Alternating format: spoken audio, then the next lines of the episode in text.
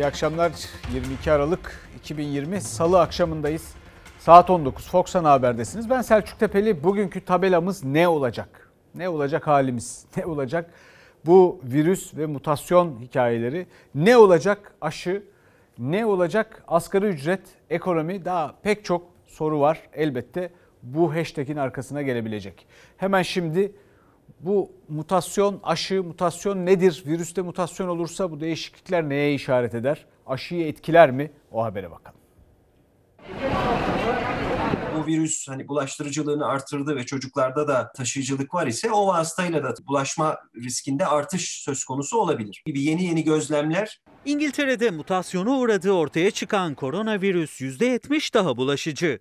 Üstelik yine İngiltere'deki araştırmaya göre çocuklara bulaşma eğilimi de eskisinden daha yüksek. Başta Avrupa, dünya gözünü aşıların etkinliğine çevirdi. BioNTech Pfizer aşısını geliştiren Türk bilim insanı Profesör Doktor Uğur Şahin, aşı mutasyona uğramış virüse karşı da etkili dedi. Ancak o aşının Türkiye'ye gelmesine daha çok vakit var. Ufukta en yakın aşı Çin aşısı. Genellikle aşılar tek bir türde antikor zaten oluşturmuyorlar. Birden fazla değişik bölgesine karşı antikor oluşuyor virüsün. Çin aşısında da bütün virüs öldürülerek vücuda verildiği için e, muhtemeldir ki çok farklı bölgelere karşı antikor ortaya çıkıyor. En kötü senaryoyu söylüyorum. Aşının etkinliği %90'dan bir miktar azalır. Saptandığı zaman da o zaman aşı ona göre modifiye edilir. Yeni virüsle aşı yapılır. Türkiye'de aşıların klinik çalışmalarını da yürüten enfeksiyon hastalıkları uzmanı Profesör Doktor Murat Akova'ya göre mutasyonun aşıların etkinliğini ortadan kaldırması düşük bir ihtimal. Yani beklenen Çin aşısı Türkiye için hala büyük bir umut. 11 Aralık'ta geleceği açıklanmıştı. Ertelendi. Brezilya ise Çin aşısının faz 3 çalışmasını tamamlayan ilk ülke oldu. %50 etkinlik barajının aşıldığı yani aşının işe yaradığı açıklandı. Virüsün kendi canlılığını sürdürmesi için gerekli olan şeyler de değiştiği için bazen virüs hakikaten kendi kendini de yok edebiliyor. Bunların hepsi şu anda bir spekülasyon varsayım. Bunlardan hangisi gerçekleşecek onu bilmiyoruz. Mutasyona uğrayan virüs için en olumlu senaryo bu. Virüsün gücünü kaybetmesi. Dünya Sağlık Örgütü de ölümleri arttırdığına dair henüz bir kanıt olmadığını açıkladı. Ancak her ihtimalin üzerinde duruluyor. İngiltere'nin dışında 6 ülkede daha rastlandığı biliniyor. Ancak uzmanlara göre her yere yayılmış olabilir. Eylül'den beri ortalarda olan, Kasım'da yaygınlaşmış bir virüs. E o zamandan bu zamana seyahatte ciddi bir kısıtlama yoktu. Her ülkenin kendi içinde bununla ilgili çalışmalar yapması öneriliyor. 14 Aralık'tan itibaren İngiltere'den gelen tüm yolcuların tespiti yapılmıştır. 4603 yolcunun bilgileri sisteme aktarılarak ikametleri ve kaldığı otellerinde izolasyona alınmışlardır. Bu yolcularımızın Halk Sağlığı Genel Müdürlüğümüz koordinasyonunda PCR testleri yapılmaktadır. Son bir haftada İngiltere'den gelen yolculara test yapılıyor. İngiltere, Hollanda, Danimarka ve Güney Afrika Cumhuriyeti'nden uçuşlar durduruldu. Daha hızlı yayılan virüs için tüm ülkeler alarm durumunda. Virüsle enfekte olan bir kişinin kaç kişiye bulaştırabileceği konusunda bunun işte koronavirüs için yaklaşık 2,5-3 kişi civarında olduğunu tahmin ediyoruz. O sayının artacağı bu ama bir matematik modellemeyle yapılan bir şey bu. Bir kanıtı söz konusu değil. Yapısal değişiklikler hücreye bağlanmayı artırabiliyor. Bu da bulaşmayı artırdığı düşünülüyor. Bu konuda birkaç yeni bilgiyi de yurt dışından gelen önemli enstitülerden gelen bilgiyi de paylaşacağım. Ama biraz bu salgınla ilgili haberlerimizde yol alalım. Bir bakalım tablo neymiş?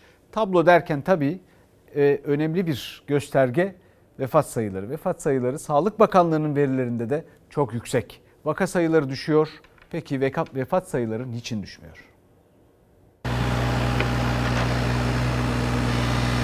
Son birkaç aydır tablo o kadar ağır ki vaka sayıları düşse bile hastanelerde yatan ve hayatını kaybeden yurttaş sayılarının düşmesi daha zaman alacak. Aslında birçok e, hasta hastanede yatması gerektiği halde e, yatırılmıyor.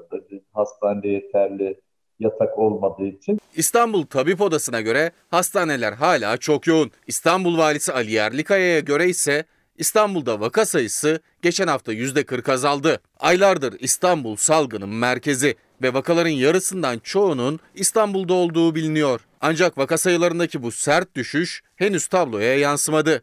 Son 24 saatte 254 hasta daha yaşamını yitirdi. Bu kaydedilen en yüksek ölüm sayısı oldu. Covid-19 salgını ikinci dalgasının zirve noktasını geride bıraktık. Hastanede yatan sayısı %40 oranında, Yoğun bakımda yatan sayısı %25 oranında azaldı. Eğer siz salgının yayılmasını engelleyemezseniz, insanların hastalanmasını engelleyemezseniz bunun hastanede çözmeyi kalkmak gerçekten şey e, çözümsüzlük. İstanbul Tabip Odası Yönetim Kurulu üyesi Doktor Osman Öztürk'e göre bir süredir hastanelerdeki yoğunluk taşma noktasına geldiği için vaka sayısı 20 binin altına düşmüş olsa da hala vefat sayılarına yansımıyor. Sağlık Bakanlığı'nın tablosuna göre salgının başından bu yana 18.351 hasta hayatını kaybetti. İstanbul Tabip Odası'na göre ise can kaybı çok daha fazla. Bu dönemde İstanbul'da olsun, diğer şehirlerde olsun geçmiş yılların ortalamasının e, hayli üzerinde ölümler var ve bunları doğal olarak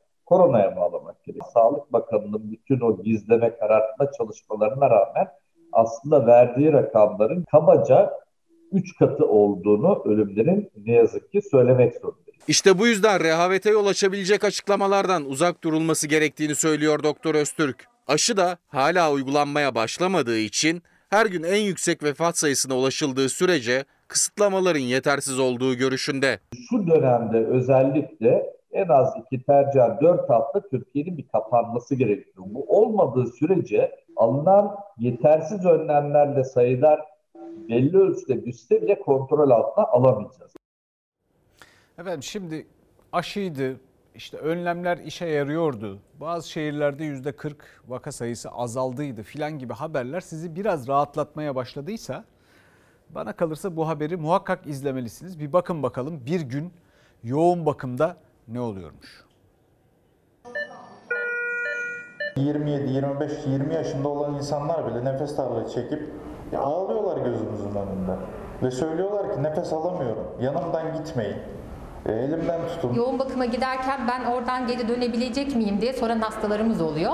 Ve bu bizi çok etkiliyor, çok üzüyor. Burası koronavirüsle mücadelenin kalbi. Pandemi hastanesinin yoğun bakım servisi. Doktorlar, hemşireler, tüm sağlık çalışanları hem hastaların tedavisi için canlarını ortaya koyuyor hem de yaşam savaşı verenlere yapayalnız kaldıkları o serviste aile şefkati gösteriyorlar. Ciğerler enfeksiyon kapmıştı.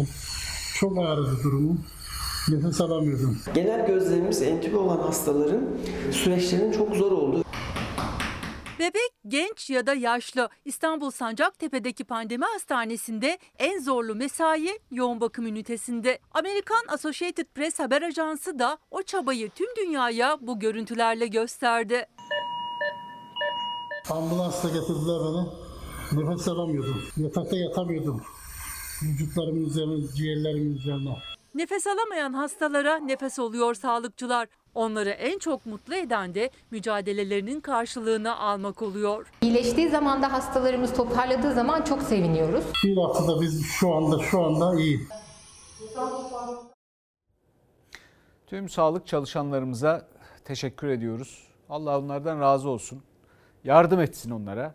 Çünkü öyle zor şartlarda o kadar bir yandan da morallerini bozacak gelişmelerle birlikte çalışıyorlar ki çoluklarından çocuklarından ayrı. Dünyaya da konu oluyorlar. Dünyada da kendilerinden, Türkiye'deki sağlık çalışanlarından, tümünden gerçekten övgüyle bahsediliyor. İşte şimdi gördüğünüz gibi Associated Press haberiydi bu. Dünya demişken dünya bu arada aşılanıyor.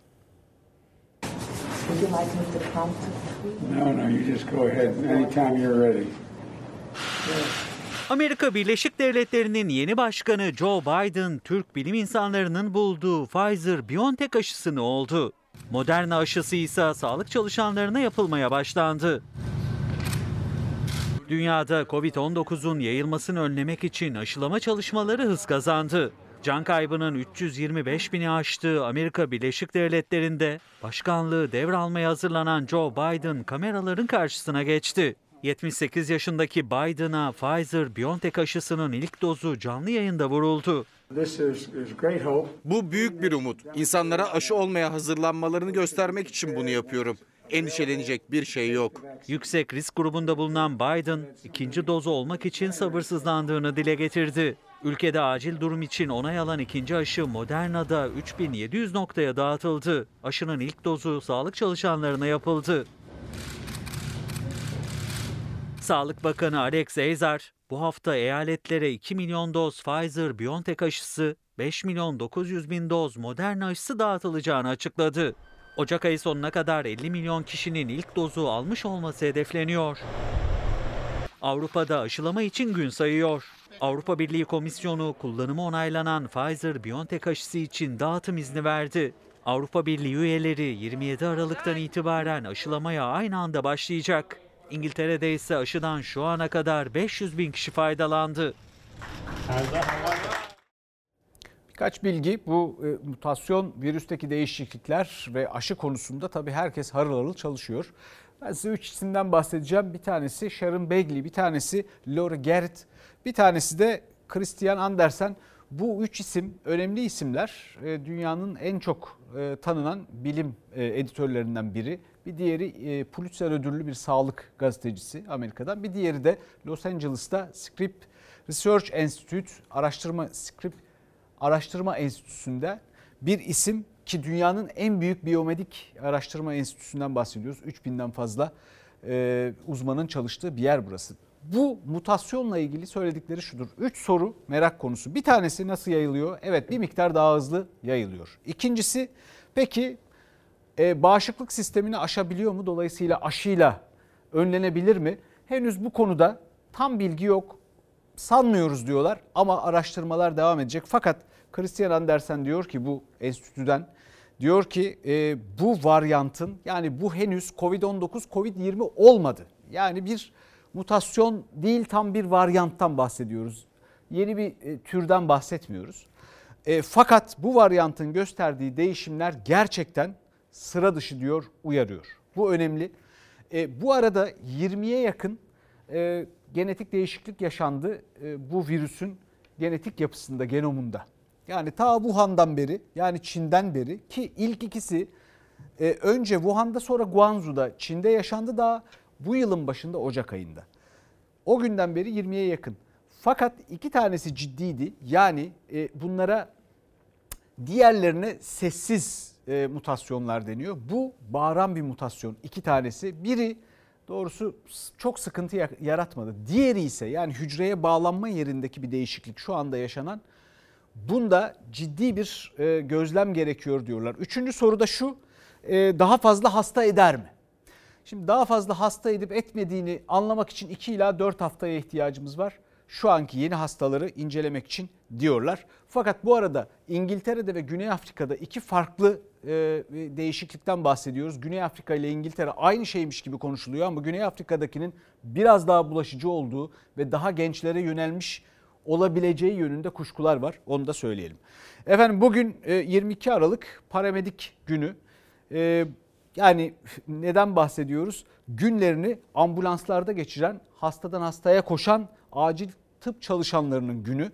Onlar bir kısmı çalışma koşulları ile ilgili beklentileri var. Düzeltilmesini bekliyorlar. Mezunlar atama bekliyor. Biz de onlara Allah yardım etsin diyoruz adresteyiz. Ee, hemen ambulanstan iniyorlar. Pandemi sürecinde üniformalarımızın evde değil de üzerimizde eskimesi gerektiğinin en önemli göstergesi 2020 kamu personeli seçme sınavında aldığımız puanlardır. 2020 yılında düşünün ki pandemi döneminde alınan toplam parametrik sayısı yaklaşık 1450 civarında. En çok ihtiyaç duyulan dönemde yaklaşık 60 bin mezun evde 22 Aralık paramedik gününde bir kez daha sesleri duyulsun istiyorlar. Hastane öncesi acil müdahaleyi onlar yapıyor. Kilolarca ağırlıktaki acil çantasıyla hastadan hastaya koşuyorlar ancak çalışanlar haklarını alamıyor. Çoğu mezunsa evde atanmayı bekliyor. Acil çantası yaklaşık 14-15 kilo ağırlığında. Bu kadar yetki verilmiş ve bu yetkileri de sahada mükemmel uygulamak için performanslarını en üst seviyeye çıkarmış paramediklerimizin e, karşılığını alacak bir emeğe hem özel sektörde hem de kamuda sahip olmaları gerekmektedir. Bakanlığımız yaklaşık 10 yıldır bu konuyla ilgili düzeltilmeye yönelik e, doğru adımları daha atmış değil ne yazık ki. Salgın döneminde bile 1500'ü bulmadı açılan yeni kadro atanmayı bekleyenlerse bunun 40 katı kadar. Bizler 2020 KPSS ön lisans sınavında çok iyi puanlar almış ancak buna rağmen bu zorlu salgın sürecinde destek olmaktan çok atama bekleyen paramedikleriz. Bunlar için çok mücadele verdik ve vermeye de devam edeceğiz. Aile hekimlerimiz paramedik taleplerinde bulunuyor. Ben aile sağlığı merkezinde acil durumlar için paramedik bulundurmak istiyorum diyor. Ama Sağlık Bakanlığımız paramediklerin burada çalışmasına izin vermiyor. Milli Eğitim Bakanlığı e, kendi okullarında bir paramedik ya da bir hemşire bulunması için bir kanun çıkardı. Paramedik atamaları hala yapılmadı. Her yıl en az 5 ile 10 bin arasında alım ile e, kamu e, atamalarının e, na dahil olması şart. Paramedik Derneği Başkanı Tarık Balcı'ya göre özellikle kamuda ihtiyaç çok. Zaten bunu paramediklerin yani acil sağlık hizmeti verenlerin çalışma koşulları da gösteriyor. Çoğu zaman mesaileri uzuyor, yemek yemeye bile vakit bulamıyorlar. Özel hastanelerde de ücretler emeklerinin karşılığı değil. Bu pandemi döneminde inanılmaz bir mücadele verdiler ve bu mücadelenin içerisinde e, ailelerinden uzak kalarak 7-24 sistemiyle çalışıp gün aşırı nöbetler tutarak 360 saat çalışarak asgari, asgari ücretle çalışan bir sürü paramedik arkadaşımız var. Hala özel sektörde çalışıp maaşını alamayan paramedik arkadaşlarımız da var. Gördüğünüz gibi bu ekipmanlarla 3 kat hastaya indirmek oldukça zor bir süreç.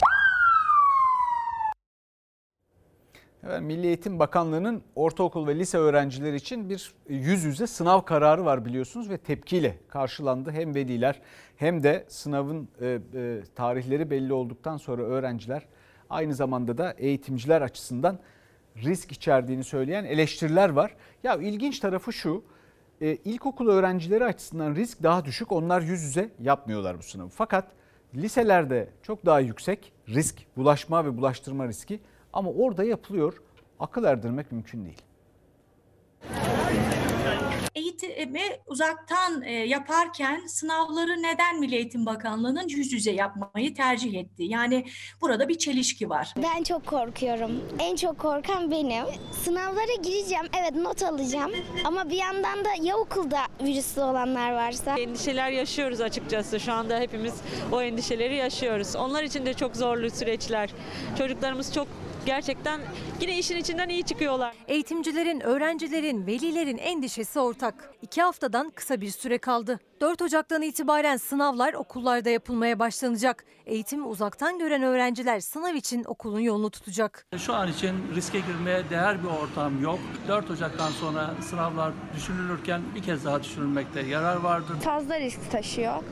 O yüzden yapılmaması taraftarıyım. Okullarda yüz yüze eğitim yok ama ortaokul ve lise öğrencileri için sınav takvimi belli oldu. Öğrenciler okulda sınava yüz yüze girecekler. Velilerse bu salgın sürecinde öğrencilerin okula çağrılmasına tepkili. Öğrenciler ve öğretmenlerse endişeli. Korkum var ama ya okul hayatımız abla. Covid-19 salgını henüz geriletilmemişken Milli Eğitim Bakanlığı'nın e, geri adım atması gereken bir karar. Endişelere rağmen Milli Eğitim Bakanlığı okullarda sınavda kararlı. 4-22 Ocak tarihleri arasında ortaokul ve lise öğrencileri ana derslerin sınavına okullarında olacak. Eğitim yazarı Abbas Güçlü'ye göre hala uzaktan eğitime erişemeyenler de mağdur olacak. Uzaktan eğitim alan da hiç almayanı aynı sınava sokup e, ve onlardan doğru netice almak e, çok da mümkün olmayabilir. Online derse bazen katılamıyoruz. E, Tablet dağıtımı olmasını istiyoruz, bilgisayar olmasını istiyoruz. Bazıları çünkü durumu olmayanlar giremiyor. Böyle şeylerden korkan biriyim. O yüzden sınava da pek odaklanmayabilirim. Notların daha çok derse katılım oranlarına göre verilmesi taraftarıyım ama olabilirdi başka bir yolu var da illaki. Eğitim Sen Başkanı Necda Kurul'a göre uzaktan eğitime geçildiği andan itibaren sınav içinde yeni formüller üzerinde çalışmalıydı Milli Eğitim Bakanlığı. Bambaşka öğrenme ve değerlendirme biçimleri bulabiliriz biz. Matematik becerileri, sayısal beceriler durumunda bile öylesine sentez ve analiz düzeyinde sorular sorulabilir ki çocuklar tek başlarına değil, herkesle birlikte ona yanıt üretmeye çalışarak öğretmene dönüş sağlayabilirler. Üniversitelerin çoğu da uzaktan eğitimde ama hala hibrit adı altında yüz yüze eğitime ve sınava devam eden özel üniversiteler var. Çare olarak da öğretim üyelerine ve öğrencilere PCR testi yapılacağını duyuruyorlar. Kim üniversitelerde eğitim sürüyor. Ee, Sözde bu üniversitelerde bir tür kontrol altında bir süreç. Bu gerçekten yayılımı artırabilir. Efendim şimdi bütün bu salgın haberlerinin sonunda çok güzel mizah dergilerimiz var. Mizah kaldıracak durumda mıyız? Ne olacak halimiz? Göreceğiz. Öğrencilerimizin hali ne olacak? Bilmiyoruz. Çok kuşku var ama bir de bu var. Doğrusu hayatı anlamak için işe de yarayabiliyorlar. Geçenlerde hangisinde olduğunu tam hatırlamıyorum. O yüzden bütün mizah dergilerimizi kutlamak isterim. Ee, onlara da sahip çıkın derim.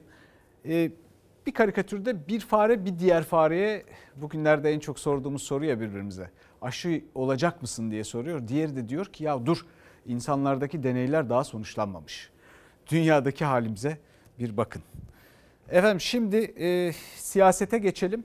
Siyasette bir parti kapatma polemiğidir sürüyor. O parti kapatma polemiği böyle garip garip sebeplerle, garip demeçlerle ortaya çıkıyor. O partiye uğruyor, öbür partiye uğruyor.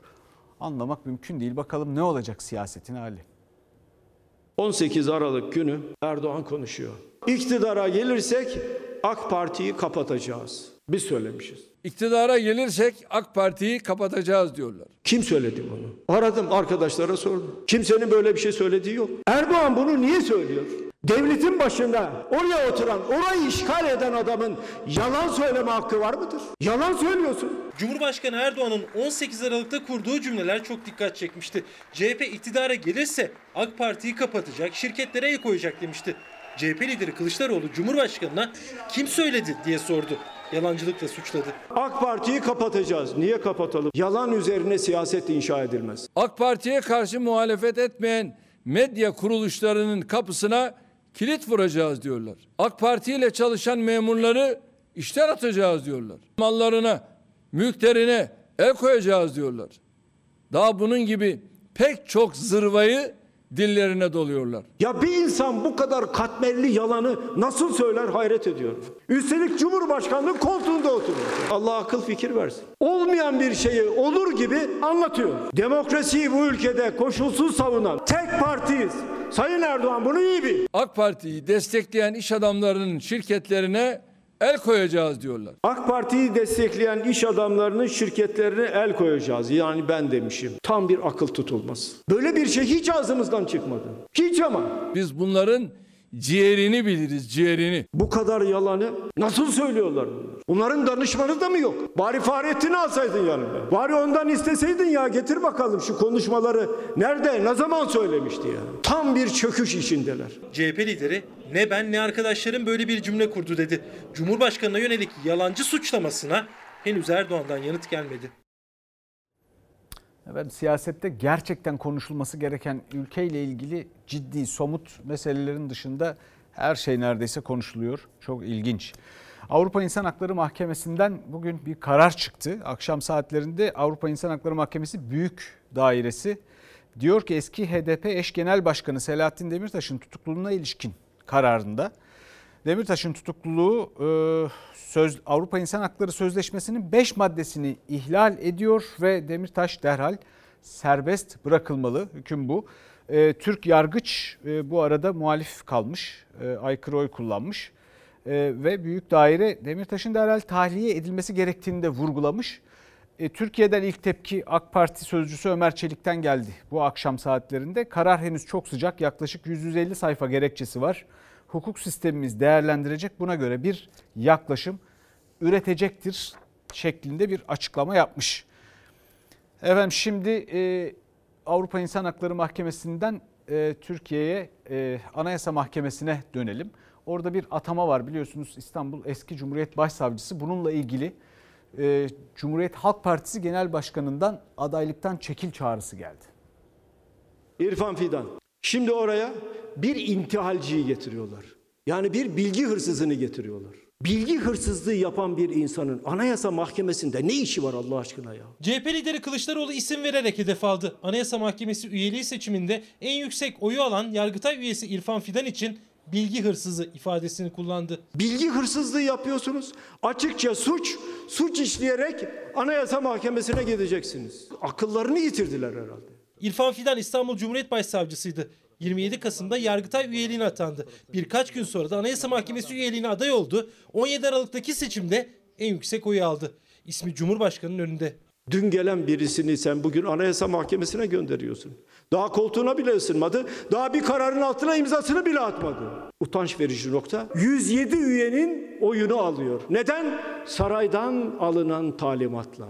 CHP lideri Kılıçdaroğlu İrfan Fidan'ın Yargıtay üyeliğine atanması, Anayasa Mahkemesi üyeliği adaylığı planlı dedi ve İrfan Fidan hakkındaki bir iddiayı grup kürsüsünden dillendirdi. Hazırladığı bir iddianamede intihal yaptı dedi. Yani başkasına ait bir bilgiyi kaynak göstermeden kullandığını söyledi. İddianame hazırlıyor. Bir bilim insanının kitabını olduğu gibi noktası virgülü ara başlıklarıyla beraber iddianameye geçiriyor. Kaynağı belirtmiyor. E bir sürü hırsız var. Biz de onlarla beraber buraya geldik diyecek. CHP liderinin sözleri sertti. İrfan Fidan'ın Anayasa Mahkemesi üyeliği için oy veren Yargıtay üyelerine de tepki gösterdi. Potansiyel bir suçluyu devletin en yüce makamına hakim olarak seçiyorsunuz. Nasıl FETÖ'nün 140 hakimine militan dediysem siz de şimdi sarayın militanısınız. Efendim izleyicilerimizden e, gelen mesajlarda bu kadar vaka ve ölüm varken çocukları sınava nasıl göndereceğiz, ne olacak diye soran bir izleyicimiz var. Bu marketlerdeki zamlar ne zaman duracak artık yetişemiyoruz, ne olacak diyor bir başka izleyicimiz. Efendim öyle anlaşılıyor ki feleğin çarkı kırılmış, dünya hızla bir yerlere doğru yuvarlanıyor ve biz de bu hıza yetişmek zorundayız. Ne olacak demiş bir başka izleyicimiz. Bu kadar karamsarlık için yeterince gerekçemiz elbette var. Ee, ama göreceğiz, bakacağız. Ee, inşallah e, çıkacağız. Efendim şimdi e, siyasetten devam edelim ama bu tabii e, tuhaf bir siyaset. Niye? Çünkü AK Parti Siyaset Akademisi'nden sertifika alan biriyle ilgili dün bir haber yaptık biliyorsunuz. O isimle ilgili sertifika konusunda bugün AK Parti'den çelişkili açıklamalar geldi. Sonra da dünkü haber üzerine olduğunu zannediyorum. Çünkü netice itibariyle e, kendisiyle ilgili sertifika verilen şahısla ilgili bilgiyi de basından öğrenmişler. E, sonrasında da iptal edildi bu sertifika.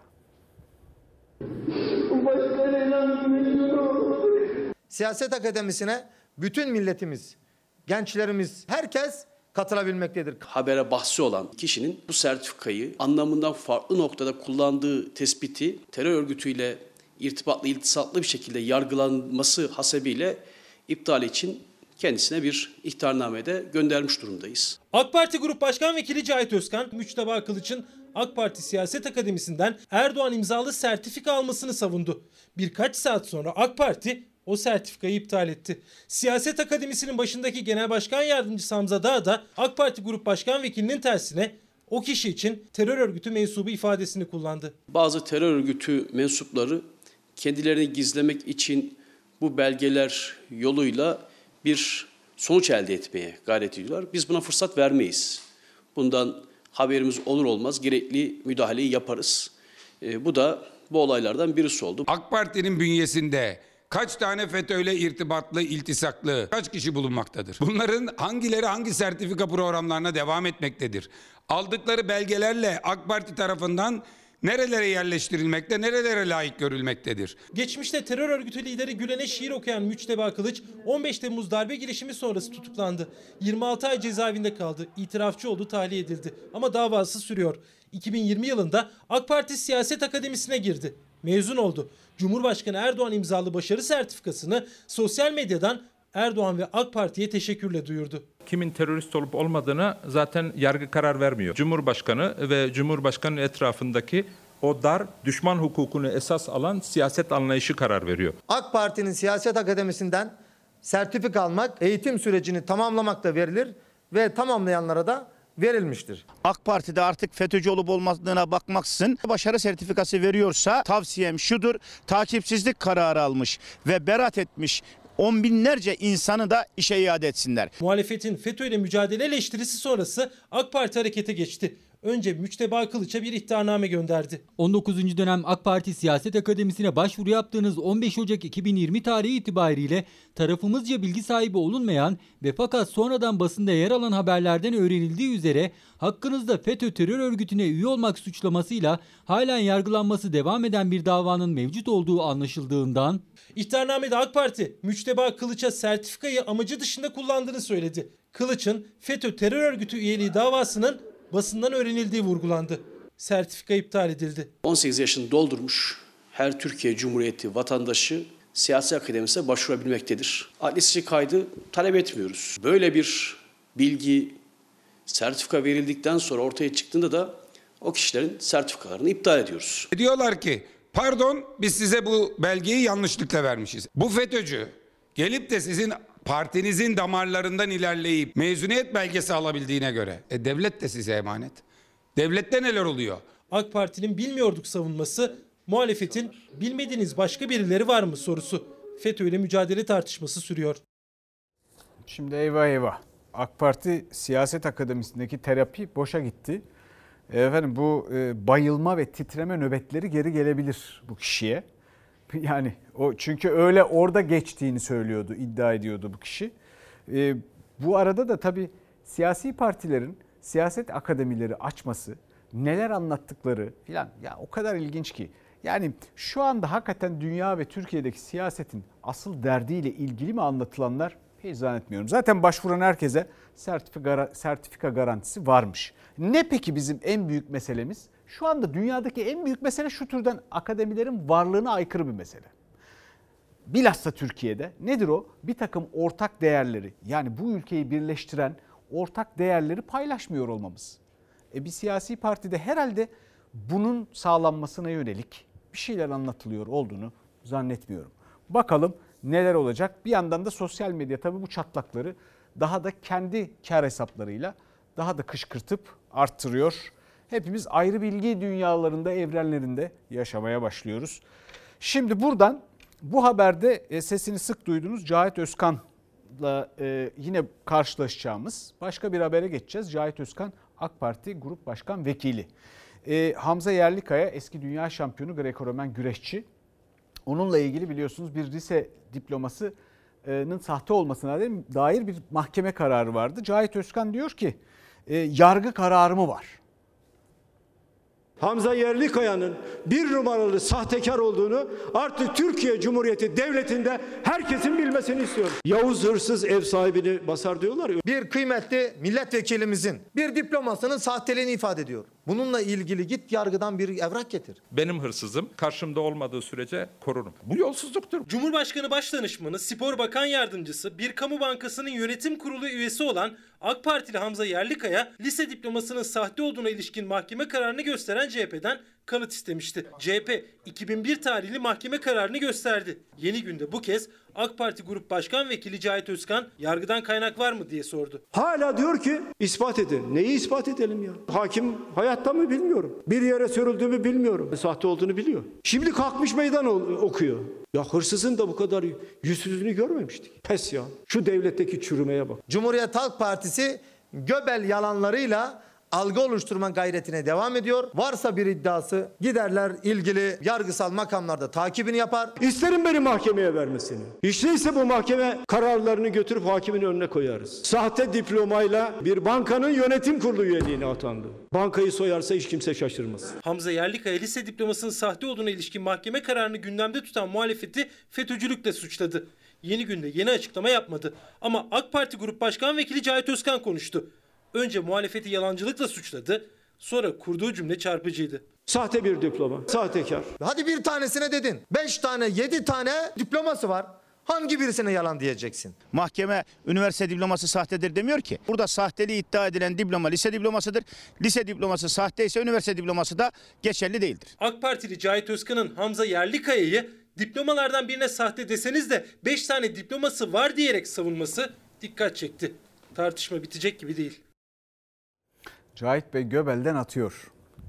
Adı Göbels tabii o kişinin. Neyse o konuya girmeyelim. Efendim dün e, ben burada Hamza Yerlikaya ile ilgili olarak bir ifade kullandım. Sonra kendimi ayıpladım.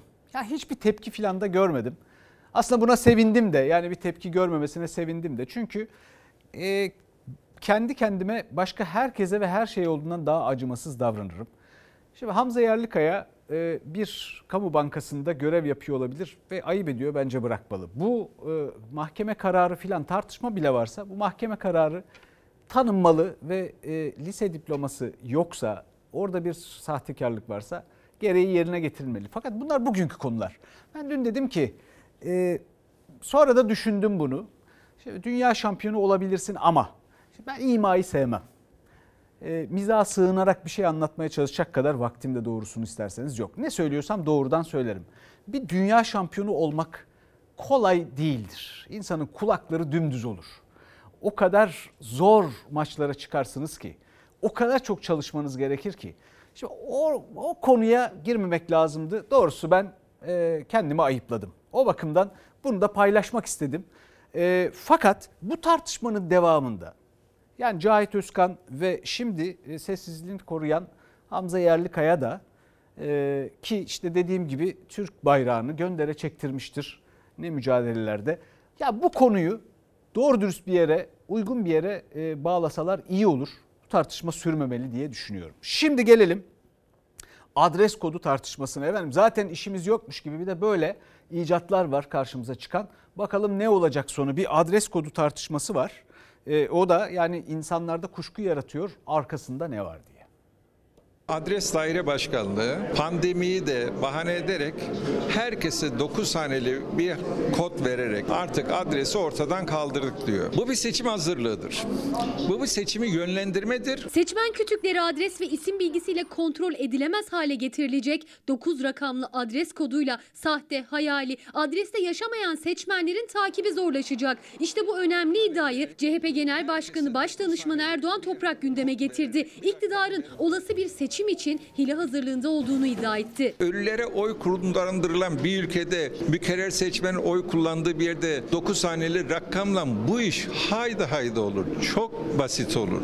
Bu bir tehlikedir. Erdoğan Toprak, Vatandaşlık İşleri Adres Daire Başkanlığı tarafından hazırlanan 9 rakamlı adres kodu uygulamasına dikkat çekti. Düzenleme ile mahalle, sokak adı, bina numarası şeklinde açık adres vermek yerine 9 haneli adres kodu numarası kullanılacak dedi. Seçim öncesi muhtarlıklarda listelerin askıya çıkmasının, vatandaşların apartmanlarında sahte seçmen olup olmadığını görmesinin engelleneceğini söyledi. Bu yapıyı YSK ile entegre ederseniz ben apartmanımda hayali oy kullanan kişiyi bulamam. Seçmen kütükleri askıya çıktığında o mahallede, o sokakta ve o apartmanda kimin oturup oturmadığını tespit edip siyasi parti olarak itiraz ediyordu. Sonucunda da o hayali seçmenler düşüyordu. Ama bu sistemden düşmeyecek. Toprağa göre kanunla hayata geçmesi gereken düzenleme daire başkanlığının çalışmasıyla hayata geçirilmeye çalışılıyor. Üstelik iddiaya göre 9 rakamlı adres kodu her vatandaşın özel yaşamı, postasından kargosuna, kredi kartı harcamalarına kadar takip edilmesine olanak sağlıyor. Evet TÜİK asgari ücret için e, önerisini sundu. 2792 lira dedi. Bakalım asgari ücret ne olacak?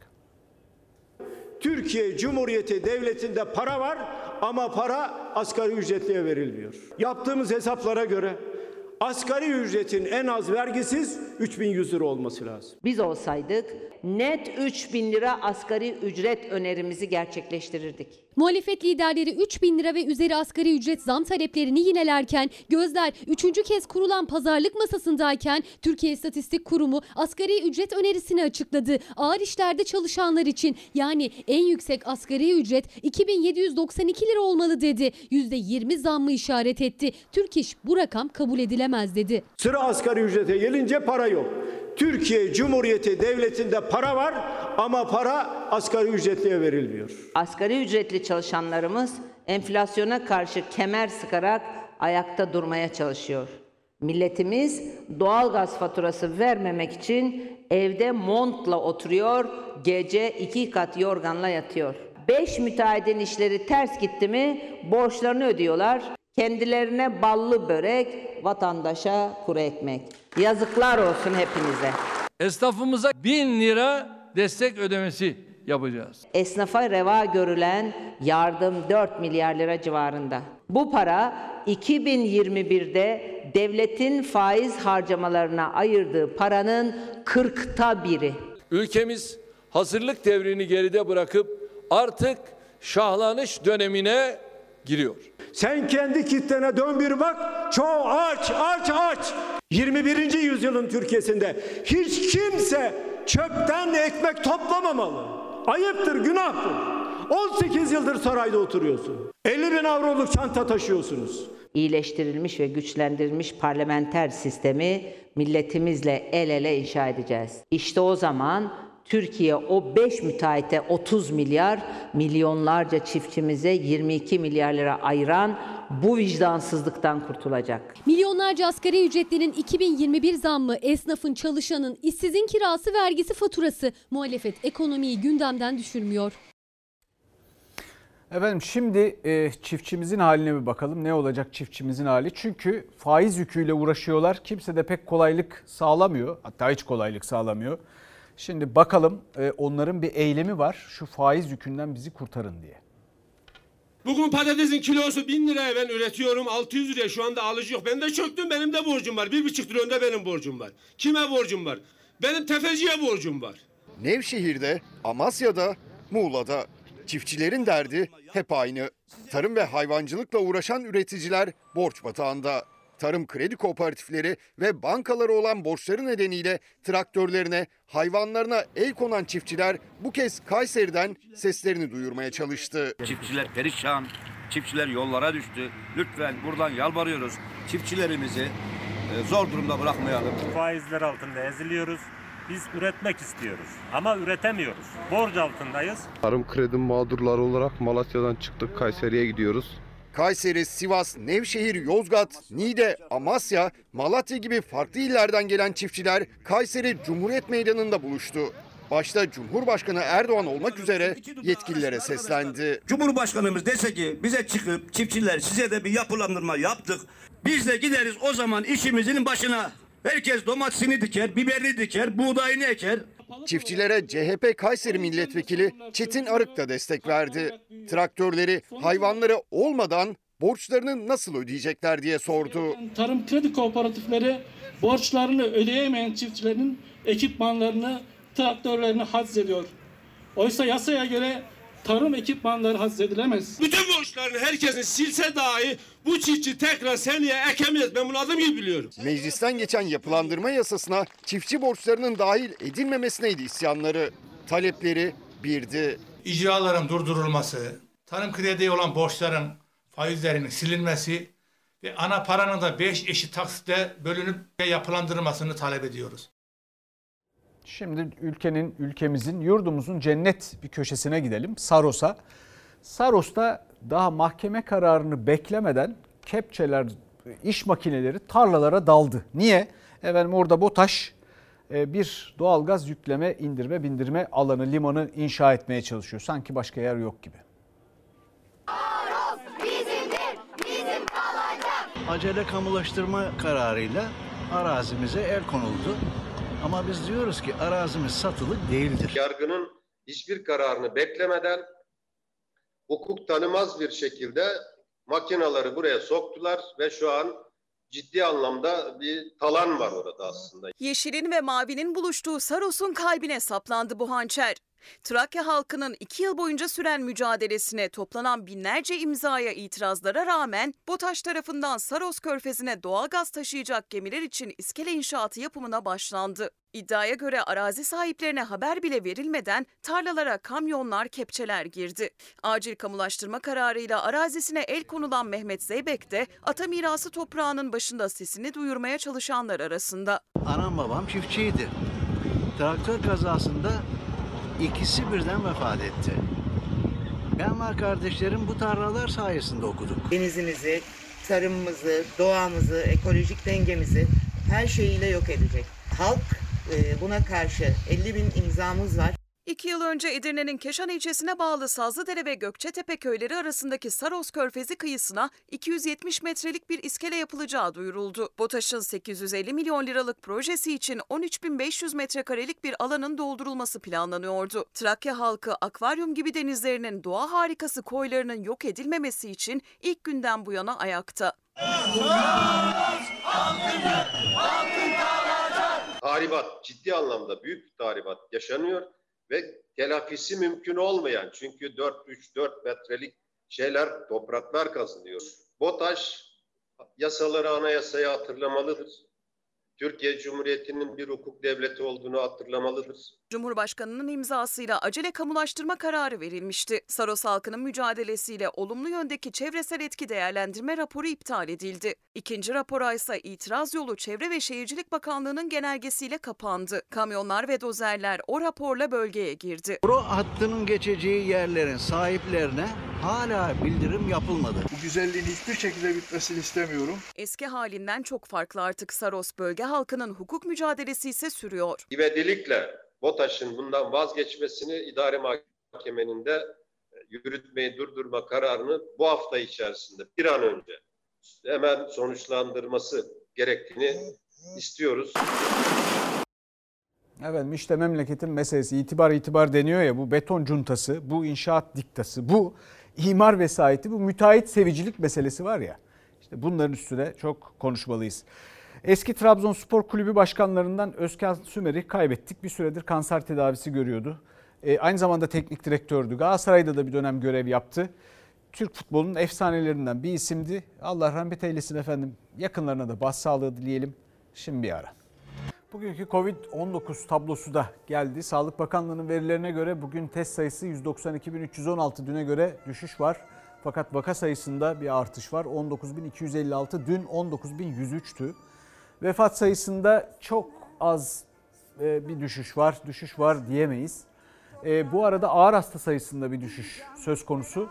Fakat hastalardaki zatüre oranı yani e, bundan 8-10 gün önce %2'lerdeydi. Şu anda %4'lerde. Bu ciddi bir oran.